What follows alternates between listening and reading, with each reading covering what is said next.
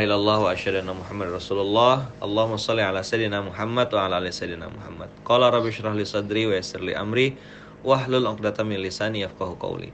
Teman-teman semua, alhamdulillah atas izin Allah kita bisa duduk lagi belajar bareng-bareng. Nah, hari ini pas betul ya, pas betul gitu. Yang mendampingi kita tuh Ustadz Hadian. Teman-teman semua, saya pagi ini pengen sharing, pengen ngajak cerita gitu ya.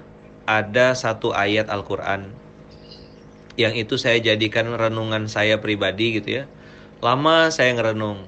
Nah teman-teman silakan lihat, buka ya. Mudah-mudahan bisa dan sempat buka Quran surat Toha, surat Toha, surat ke-20. Ini Ustadz Hadiah pasti ingat gitu ya.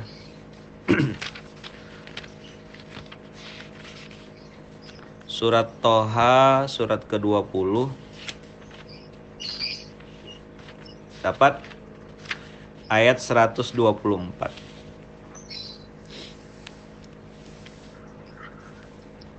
Surat Toha Surat ke-20.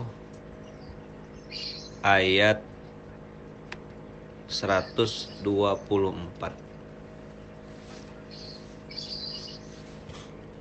Dapat nggak? Dapat, Cok. Nah, hari ini hari Sabtu. Sampai. Antum lihat udah ya? Dapat. Minasyaitonirrajim. Bismillahirrahmanirrahim. Allah berfirman di sini waman a'rada an dzikri.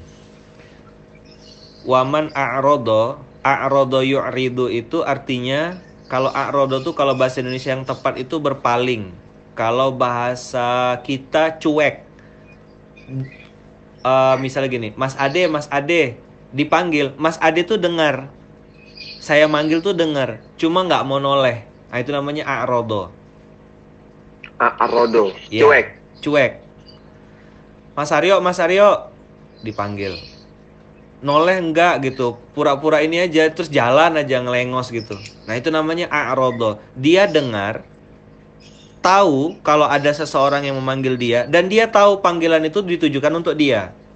Lalu tidak memperdulikannya namanya a'rodo. Waman a'rodo an zikri barang siapa yang berpaling dari mengingat saya kata Allah.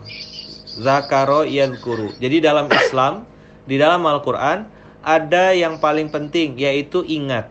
Passwordnya zakaro, zikrun. Ini kata kunci yang paling penting di dalam Al-Quran. Ingat. Jadi ingat ini penting banget. Sangat penting. Kata kunci. Jadi kalau ditanya apa kata kunci yang paling penting di dalam Al-Quran? Zakaro, zikrun. Artinya apa? Zikrun ini password. Allah bizikrillah. Hanya dengan mengingat Allah hati akan jadi tenang. Itu kan? Selalu kata-kata zakaro. Jadi konektor penghubung antara kita sama Allah yaitu zikir. Cuma orang meng, menge, mengecilkan makna zikir itu hanya sekedar lafaz-lafaz saja. Padahal zikir itu juga dimaknai dengan tadabur, mengingat-ingat. Contoh kayak tadi kan mamanya Ustaz Hadian, aduh saya kayak ditampar-tampar. Ustadz, ini anak adalah titipan, kata beliau kan. Ya namanya an namanya orang yang menitipkan pasti berharap nanti dikembalikan dan mengambil dengan keadaan baik-baik lagi. Baik. Nah itu namanya zakaro, zikrun, ingat oh anak tuh titipan. Lalu beliau bilang tadi, Ustadz itu kan satu huruf Al-Quran, sepuluh kebaikan. Maka kalau orang itu mengulang-ulangnya maka akan dapat banyak kebaikan. Itu namanya zakaro, mengingat. Ingat pesan Rasul, ingat pesan Allah ingat kita ini siapa. Nah, zakaro juga boleh terjadi dan bisa terjadi pada orang-orang yang hari ini punya bisnis, punya usaha, ya kan? Teman-teman Mas Wawan dan Ustaz Riza dan kawan-kawan yang lain kan, teman-teman yang punya bisnis, ingat bahwasanya bisnis itu titipan dari Allah.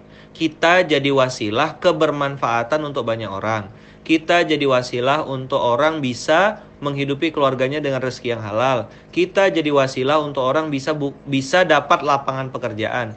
Kita bisa jadi wasilah untuk orang bisa bersedekah juga nanti setelah dia dapat penghasilan. Maka itu namanya zakaro. Mengingat. itu harus diulang-ulang. Jadi kalau teman-teman nggak pakai zakaro tadi, nggak pakai pemahaman tadi, teman-teman akan jadi pekerja. Saya nggak tahu antara bekerja atau dikerjain. Kita akan jadi kuli. Berbeda sekali kalau orang itu bekerja pakai zakaro tadi, mengingat tadi, dengan tidak pakai. Kalau dia pakai, maka dia jadi khalifah. Dia jadi pemimpin di muka bumi ini. Saya ulang ya, kalau dia berbuat sesuatu lalu dibarengi dengan mengingat Allah, maka dia menjadi khalifah. Ngapain sih saya ngurus pendidikan? Ngapain sih saya ngurus pondok? Ngapain saya ngurus ini? Loh, saya ini mengurus dalam rangka mengingat perintah Allah tersebut, mengajak orang untuk ingat Allah, mencetak guru-guru yang bisa dekat sama Allah, apa ruhiyah pribadinya juga bisa dekat sama Allah. Kita semua punya kekurangan, kita semua punya aib, tapi jangan sampai aib dan kekurangan itu menghalangi kita untuk berbuat baik. Salah.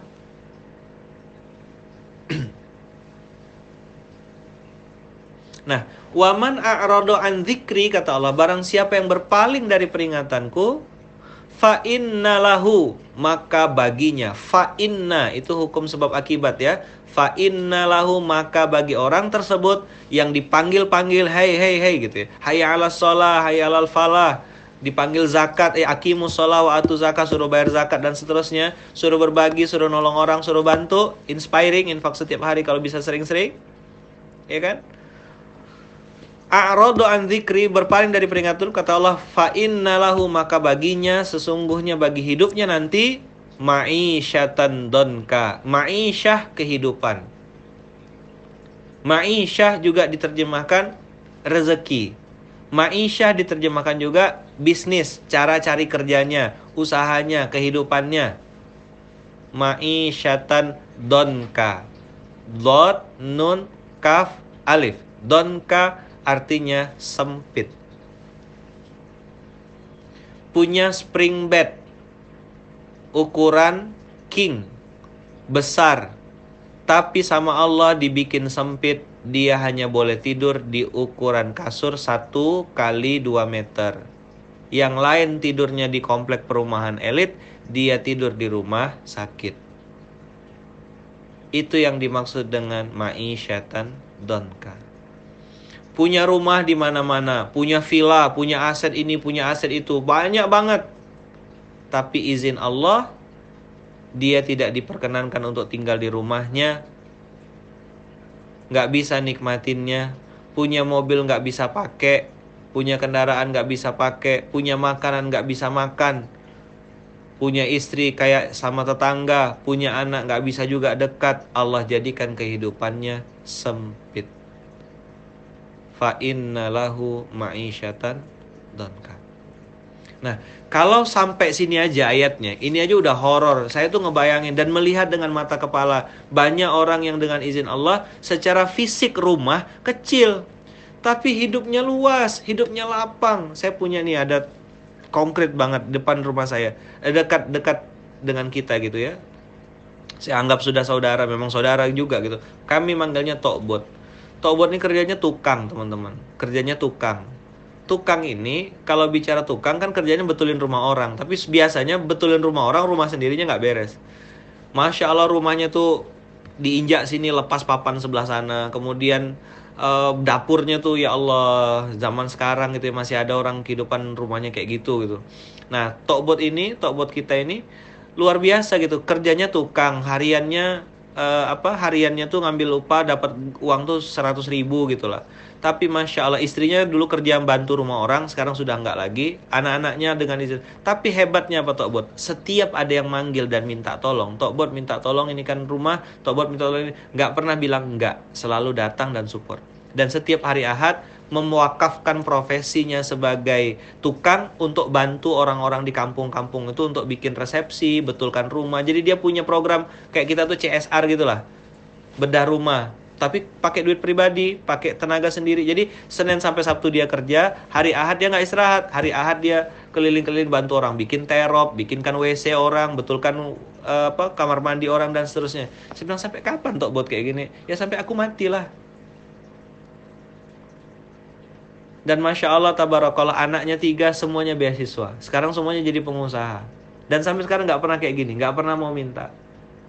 Saya tahu dia lagi butuh Tapi hebatnya lagi nih Tok Bud nih, sampai sekarang nih masih dampingi kami Munzalan untuk eh, nyari-nyari orang susah, keliling-keliling nyari orang susah, keliling-keliling nyari ini orang ini, moto-motoin, nyurvein. Lukman di sini ada orang susah nih, bisa bantu enggak? Nanti kita ini kan ini. Siap Tok Bud insya Allah. Jadi dia sendiri itu susah gitu loh. Dia sendiri itu tinggal di komplek yang nggak bisa masuk mobil, motor aja yang bisa masuk di situ. Rumahnya kecil, kecil banget, kecil banget. Rumahnya kecil pakai papan, itu pun sudah miring gitu ya. Tapi teman-teman, tapi teman-teman, masya Allah, rumahnya sempit, hatinya lapang. Ya Allah. Ada orang, rumahnya lapang, hatinya sempit. Kenapa? Ada apa? Nah, penyebabnya tadi a'rodo an dzikri, berpaling dari peringatanku. Udah tahu loh, kurban itu setahun sekali. Antum beli handphone yang bagus-bagus, ah, kurbannya juga harus yang bagus, sapi minimal. Saya tuh sedih juga gitu dengar info dari guru-guru saya yang kurban itu di Indonesia ini jumlah muslimnya banyak, tapi yang kurban sapi itu sedikit sekali.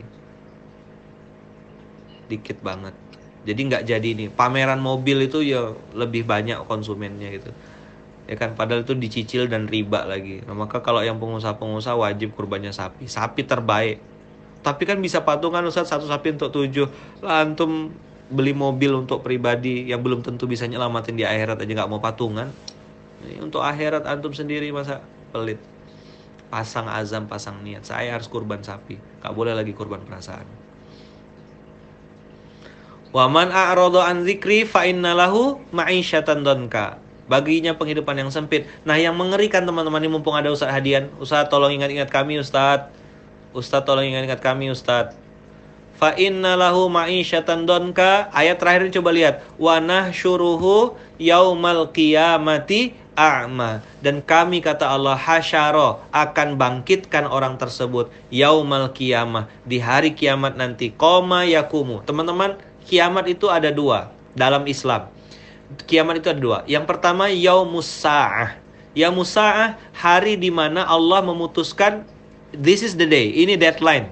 Udah waktunya nih. Tiup yang pertama, bumi hancur, porak-poranda semuanya berterbangan, gunung dan segala macam itu namanya yaumus sa'ah. As-sa'ah artinya the day deadline. It this is the time. Ini waktunya kata Allah. Sudah habis selesai. Expired sudah dunia ini. Hancur hancur.